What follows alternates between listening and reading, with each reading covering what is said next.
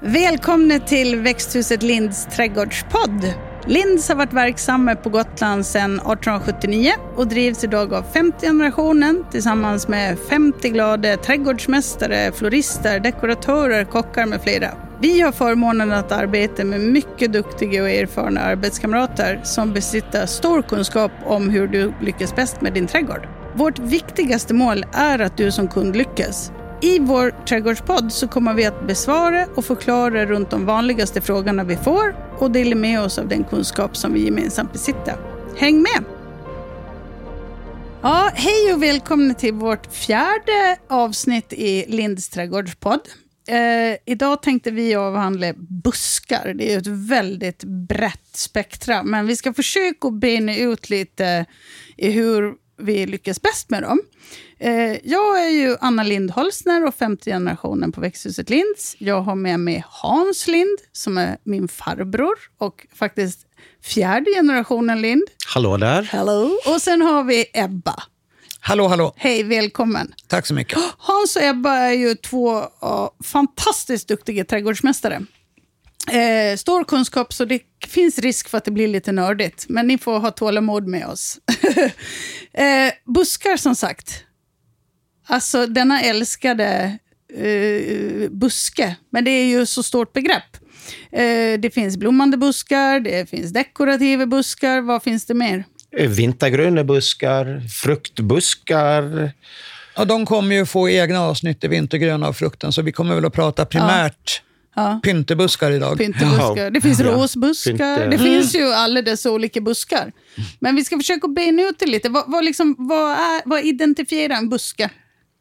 Det här har jag precis setat och dragit med några plantskolor och det är ju det att du ska ha en förgrening som börjar i marken? Ja, i marknivå. eller upp till 20 centimeter över. Men det är alltså många grenar nerifrån marken och det är många tvärgrenar på grenarna.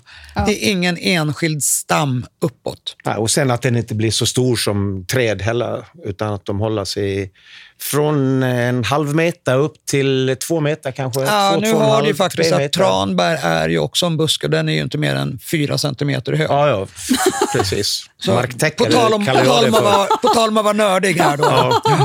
Jag kallar det för marktäckare. Ja. Och jag kallar det för en marktäckande buske. Ja. Ja, men vi, i, I den här podden försöker vi att förklara runt de vanligaste frågorna vi får ut i plantskolan. Och eh, jag tycker att en, en eh, väldigt vanlig fråga som jag får, det är ju, finns det blommande buskar som inte behöver skötsel? Nej. Det var kort. Okej, okay, då går vi vidare. Nej, jag skojar bara. Men, men här är det ju väldigt torrt på sommaren. Det har vi ju pratat om tidigare och det vet ju alla som bor på Gotland. Eh, och, och beroende på vilken jordmån vi har, så, för det varierar ju lite över ön, så är det ju väldigt torrt på sina ställen eh, jo. på sommaren. Mm. Eh, och hur mycket skötsel behöver en buske? Om vi pratar rent generellt nu. Eh, de första åren vatten och näring mm. tills den har etablerat sig, fått ut ett väl eh, utvecklat rotsystem där de själva kan hitta vatten i lerfragment och allt möjligt sånt där som ja, finns. Går ner, till de här, går ner i grundvattnet ja. till och med. Och, ja, och sen går det ju i kalkberget, så vattnet går ju i berget. Ja, så finns det alltid lite sprickar i berg och sånt där också. De, de är ganska duktiga, precis som alla växter är ganska duktiga. Finns det vatten nära till hans så, så är de ganska duktiga på att hitta det. Ja, det är de. Ja. Det är de. Men mm. så finns det ju sådana som naturligt inte vill ha för mycket vatten helt enkelt. Nej. Där Nej. har vi då våra budlejer och silverbuskar och perovskia och havtorn. Mm. Mm. Ja, så finns det en del som vill ha eh, sandjord. Mm. Du har... Eh, Budleja. Silverbuske. Mm. Paradisbuske. Paradisbuske. Mm. Eh, Skärsmin. Mm. Eh, perukbuske. Forsythia. Mm. Ja. ja. det finns många ja. som ni gör. Ja. Finns det underhållsfria buskar? Jag säger nej. Eller det är klart att de klarar sig utan underhåll, men de blir ju snyggare mm. om de beskärs, om, mm. de, om de får vatten när de ska ha vatten. Och ja, de, men har man har... en paradisbuske och vill att den ska bli stor så låt den bara växa, för att den blir ju ganska tetisk själv också. Mm. Du måste inte gå in och... Nej, den är ju en av de få som inte är snygga ja. när man beskär den. Ja, faktiskt. sin funktion och blir Tre, fyra meter hög och tre, fyra meter bred. Och Den är tål ju ganska mycket magisk torka också. när den blommar. Och fantastisk Ja. när den blommar, som sagt var. Den blommar runt midsommar, in i halva juli ungefär. Sen Och vi har grön. alltid kunder som kommer och frågar. Ja. Vad är det för något som blommar så vackert nu? Ja. Paradisbuske. Ja. Och sen får ju den även vackra fröställningar. Ja. Lite sådana här små ludna bollar nästan. Hur är höstfärgen på paradisbusken? Ja, men den är trevlig. Alltså den är inte så här... Den är, sticker inte jättemycket ut. Nej, liksom, men, den, den blir inte grå och tråkig. Liksom. Nej. Men om vi nu backar lite då. Vi vill ju att alla ska lyckas så bra som möjligt. Eh, när man har valt sin buske, eh, bäst lämpad för det läget och jordmånen som man har. När man ska plantera en nyetablering, hur ska man tänka då med en buske? Se till så att det finns eh, jord dubbelt så stor som klumpen, kanske en gång till. Gropen. Ja. Gropen, ja, ja, precis. ja. Och, ja. Och blanda upp den befintliga jorden med jord för växten väl lämpad. Ja. Vissa vill ju ha lite lerigare jord, vissa vill ha lite lättare jord. Så att den får en bra start här i livet. Och sen eh, då etablerar den sig fortare, blir vackrare mycket fortare. Jo. Ja. Och du blir en nöjd kund till slut. Ja, och jag Ja. blir en nöjd för försäljare. Ja. Ja. Men, eh, och sen har vi ju, eh, på sommaren så kanske man inte har den tiden, man kanske inte är på plats eh, och så vidare. Finns det några riktigt lämpliga buskar som är vråltorktåliga som trivs på Gotland? Silverbuske, buddleja. Ja. Nu känns det som att du har hakat upp det. Ja, men, jag, ja, men alltså, vi har ju, du har ju perukbusken, Ja. silverbusken, buddlejan. Ja. De har aromatiska bladverk och de är silvriga i bladverken, förutom perukbusken. Mm. Men de tål verkligen torka. Sen har du även silverpäron på väldigt kort stam. Kan Ja. du med- få ut som en eh, liten buske också. Ja. Ja, den, Den är finns väl också som, väldigt som silvrig. eh, bottenympad. Ja. Som vi nämnde på trädavsnittet så är ju alla silvriga blad även här väldigt torktoleranta. Ja. Ja. Jo. Men kan man få en, eh, både en som tål eh, torka och som är vintergrön? Nja. Finns den Ja. kombon? Ja, buxbom är ju faktiskt, när den är är väl bra. etablerad, så tål den ju torka till en viss del. Ja. Eh, lager, mahonia, hur- ja, mahonian. Ja. Lagerhäggen eh, är ju mera torktålig än vad man tror också. Ja. Och smantus Och smantusen ja, är eh, också ganska doftbuske. torktolerant. Ja, det finns lite att välja Ja. på alltså. Nandina. Ja. Eh, en annan fråga som vi får eh, i butiken, det är jag har barn. Vilka buskar kan jag ha som inte är giftiga eller taggiga? Finns det några ni kan nämna där som eh, man kan rekommendera? Alla fruktbuskarna till Ja, exempel. fast där har du ju taggar. Ja, Ja, ta- ja, och vinbär är inte så Ja, mycket taggar nej. på. nej. Men, Och men, aronia har du också. Ja, Ja, malanger har du också. ja, Och de bären är till och med ätliga. Så de ja det är fast bra. aronia är jättenyttiga. Aronian Så är håller ju, de ifrån sig det där kanske. fast aronian är ju ganska sur. Ja. Eh, Men, men jag tycker ju att skyggar man för giftiga växter, då kommer kunskapen om dem att försvinna. Jag menar inte att man ska spela med sina barns liv, Nej. men man ska veta hur växten ser ut. Man kanske inte behöver sätta en tibast där barnen har sina rödvinbär till exempel. Nej, eller bredvid lik. Uh, Nej, precis. precis. Och det du har under köksbänken är giftigare än det vi säljer. Ja. Så det är mycket, mycket, Mm. många plantor som är giftiga ute i, och det är svårt att nämna allihop som är det. Ja. Ja, även, så är det ju även ute i naturen. Det är ju Ja. inte bara i de anlagda trädgårdarna, Nej. utan i naturen och det är väl finns de ju... Mm. här är då man kan tänka sig idegransbär som, som är röda som lockar till förtäring som man lätt förknippar med vinbär och, Mm. och sånt här. Det är väl mer då man blir lockad, men en, man stoppar ju inte i sig ett murgröna blad rakt av bara. Nej. Men det finns ju en, eh, en sån grund. Det är klart att det, alla, undantag, alla regler har ju sin undantag, men det här att är det riktigt giftigt så är det ofta riktigt äckligt. Ja. Ja, det är det. Det, smakar bäst och redan ofta, i så, munnen. ofta så finns det en sån. Är det liksom, då, då vill man inte ha det i munnen. Nej, nej, nej, men så är det. Fast du åt ju gullregn när du var liten, har Ja, min farmor berättat. och du här nu. sitter ju här nu, Ja. så att det kan gå bra också. Men jag hade ingen eh, trevlig upplevelse att få bort det där ifrån magen sen. Nej, nej. Nej, men jag kan ju säga så här också. Hemma i Uppsala, min trädgård där, så hade jag ju alltid mellan 15 och 20 riktigt giftiga växter. Jag hade två barn, det har aldrig hänt om någonting. Nej. Jag har haft hästar, hundar, katter, det har aldrig hänt någonting. Nej. Eh, och jag menar, man behöver ju som sagt inte sätta dem längst fram i rabatten eller bredvid det ätliga i trädgården. Nej. En snabb fråga, Ebba. Ja. Är det så, att, eller är det bara en myt, att man hör att hästar de vet vad som är giftigt och inte giftigt? Nej, bullshit. Det är bullshit? Ja, Okej. ja. Eh, hästar, på tal om idegran, eh, den dödar hästar och den dödar även kor. Och de käkar upp bären, eller? Nej, de käkar ju hela busken. Det enda som inte är giftigt på en idegran, det är det röda fruktköttet på bäret. För fruktköttet i sig är inte giftigt. Ja.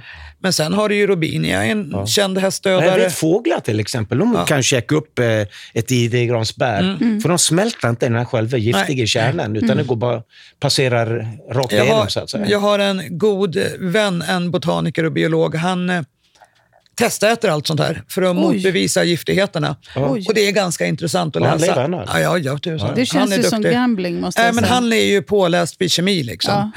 Men, men på tal om giftigt för hästar och djur så är ju Robinia och tysklönnen och asklönnen är kända hästdödare. Åh fy vad hemskt. Mm. Och det är ju fröplantorna på lönnarna som Mm. eh, föl unghästar och ponnyer äter. Och Så de dör. plantera inga sådana om ni har djur på gården. Nej. verkligen och de inte. sprids ju med, med vinden tyvärr. Men jag kan också tycka att det, det är precis som du sa där Ebba, att man, om man tar bort allt eh, så, så försvinner också kunskapen lite. Ja, ja. Eh, och det kan jag också tycka är ganska farligt faktiskt. Att Det är ju vi väldigt farligt. Vi, alltså, om vi vet eh, och vi lever med det så har man också lite kontroll på det. På Ja, och jag menar, liksom alla säger att nej, men jag vill inte ha ett guldregn. Nej, men tuggar du på omogna äppelkärnor eller mandeln i ett körsbär så utvecklar du blåsyra. Mm. Det vet inte folk om. Liksom. Så det finns mycket mer som är giftigt, men läs på. Mm. Ja, läs på och tala om för dina barn att ät det här, inte det här, Ja. utan ät det där istället. Ja. Ehm, vi bor ju på en väldigt blåsig ö. Har ni några rekommendationer för buskar som tål den här vinden? Ska jag vara lite tjatig här? Vad tänkte du säga? Martall nu eller? Nej, jag ska säga perukbuske, silverbuske, buddleja. Ja. Eh, nej, men inte, blad med, inte buskar med stora, mjuka blad som blir sönderpiskade i vinden. Nej. Vad Alltså, heter den? Hippopaen, eh, havtornet. havtornet, ja. den är ju perfekt. Det är ju, tål ju även lite saltstänk och sånt här ifrån Okej. havet Ja, direkt. Ginnalalön, Ja, Ginnalalund Ja, också, ja. perfekt. Tål också torka. eh, Budleja, Perovska. Det, det är ju såna här kända strandnära buskar. Hans, eh, en eh, urgotlänning. Hur, eh, dina fem favoriter bland buskar här på, Got- som trivs bra på Gotland? Ja, nu har jag erfarenhet av sandjord och eh, sommarstuga ute i Ireviken nämligen. Och där har jag, alltså favoriten där det är faktiskt paradisbuske för att vara väldigt tjatig här nu ändå. Då. Även eh, japanska lunnar har jag ett par stycken där också. Fast där får du ju faktiskt klämma in att de japanska lönnarna har du ju satt i en riktigt god jord. Jag har satt dem i en god jord, men det är fortfarande sandjord runt omkring och de har stått där nu i fem år och ser fantastiskt vackra ut. Ja. För det är ju det här att det är planteringen. Det Ja. är så viktigt. Förlåt, jag Förarbetet. avbröt. Ja, jag avbröt där, Förarbetet Hans. är viktigast. Ja, och sen har jag även den här eh, hippopaen. Eh, Jag har... eh, Som var havtorn. Havtorn, ja. Ja. precis. Ursäkta, jag ska hålla mig till de svenska namnen. Eh, paradis. Eh, äpplen har jag ett par stycken. Jag har eh, silverpäron, tycker jag är fantastiskt, som en solitär. Och jag har faktiskt satt det på palmar också. Okej, Yes. som du har där från över vintern också? Ja, de har stått där över vintern. Okej. Och faktiskt ett par olivträd också. Okej. Står väldigt skyddat. Och Ja. Det har varit lite tuffa vintrar nu som har fått lite frostskador. Men på sommaren där blir de fantastiskt vackra. Ja. De Både repar sig palmarna liksom och- lite. ja, de repar på sig under Men vad är det sommaren. för palmar som du kan ha? Jag menar, Ire, Det du är ganska nära Trachycarpus vattnet. vagerianus, Ja, heter den. ja. Eh, nu bor jag lite längre upp på skogen, så det är Ja. inte precis nere vid Nej, men det är strandkanten. ändå blåser det på Ja, det kan blåsa det på, ganska ja. bra där. Och de ser förvånansvärt pigga ut. Och Ja. inte skyddat dem eller någonting. Nej. Nej, det är ju lite, vi är ju lite likadana. Vi känner Ja, att vi måste nu ju vågar jag inte garantera att alla ja. lyckas med det. man Jag har ju som, som bekant gröna fingrar. Mm. De har jävligt, väldigt bruna fingrar just Bruna nu. fingrar, matjord i fickorna. Ja. Nej, men det där är vi testar. Du ska få svara dina fem också Ebba, men jag ska säga det också. Det är ju kul när man testar. Vi har ju testat massor och nu bor ju vi i en gammal trädgård som då har ingått i vår familj i många generationer. Ja. Så det är många som har testat och det är mycket som har tagit sig. Men den senaste det är ju en pinjetall som vi har satt. Eh, och den ska ju inte överleva. Och den har överlevt och den växer och den växer och den växer. Och då kände vi jäklar, vi satte den på fel plats. Ja. Så att man, ska ju liksom, man ska ju planera för att det ska lyckas Men egentligen. problemet med pinjetallen är ju inte att den dör, utan det är ju att grenarna knäcks av tung snö. Ja, så Ja. den har vi ruskat i mycket i vinter kan jag säga. Ebba, dina fem favoriter som passar bra på Gotland? Berberis. Åh, jag älskar berberis. Vad heter den på svenska? Eh, Den heter berber, äh, surtorn, tror jag är det gamla svenska ordet. På berberis. Det finns otroligt många olika sorter. Eh, Varför är den så fin? den är, har så vackert bladutspring. Eh, den har vackra taggar. Många av dem har väldigt vackra taggar. Vackra taggar, hur det kan bli. Jo, då, det, det är så vackra taggar. någon speciell Berberi som du tycker mest om? Uh, Juliane, den är ju vintergrön. Sen så är det en som... eh, du har... Vad heter den då? Den, limoncello. Limoncello. ja, Gulbladig det. med makalös höstfärg. Eh, och sen får de väl- en vacker blomning och sen vackra droppformade orange-röda bär som är en del är väldigt goda. Man använder det som krydda i ja, vad heter det? Centralasien där kring i persisk mat och libanesisk mat. Väldigt Ja. god. Det låter Ja, spännande. de är jättehärliga. Jag älskar dem verkligen. Ja, den är snygg som kontrastväxt Ja, också. ja. Och det sen- finns både rödbladiga och gulbladiga och Grönbladiga, orangebladiga och rosafläckiga och allt rosafläckiga möjligt. bladiga och grönbladiga. Sen så har jag då en sån här otroligt simpel liten favorit och det är ju spärrgrenigt oxbär. Den är så snygg. Det är, jag sa när jag gick i trädgårdsutbildningen för 30 år sedan, jag ska aldrig plantera ett oxbär. Nu tycker jag att den är så makalöst vacker. Eh, framförallt om den får klättra, ta stöd mot en ljus putsad vägg. Så du får det här vackra fiskbensmönstret. Eh, otroligt snygg på vintern, snygg på sommaren, makalös höstfärg. Semi-vintergrön här för Ja, semi-vintergrön. Det Eh, betyder nästan halvt vintergrön. Vad- Tappar bladen i januari, februari. Vad duktig du är. eh, sen tycker jag om eh, Mahonia, Eri- Eritreosa heter den? Ja, den här. gillar inte jag. Nej, men en är väldigt lite flikbladig, lite flikbladig eh, Mahonia som Mm. inte ser ut som den vanliga parkmahonian. Mycket trevlig. Jag tycker om silverbusken. Mm. Ja, det har vi förstått. Ja, och den doftar ju, den smalbladiga silverbusken, när den blommar, den doftar ju honung. Pyttesmå gula blommor nere vid, vid eh, stammen. Jätteläcker. Sen så, ja, vad har vi mer där? Det finns så mycket. Oj, olvon såklart. Davidsolvon.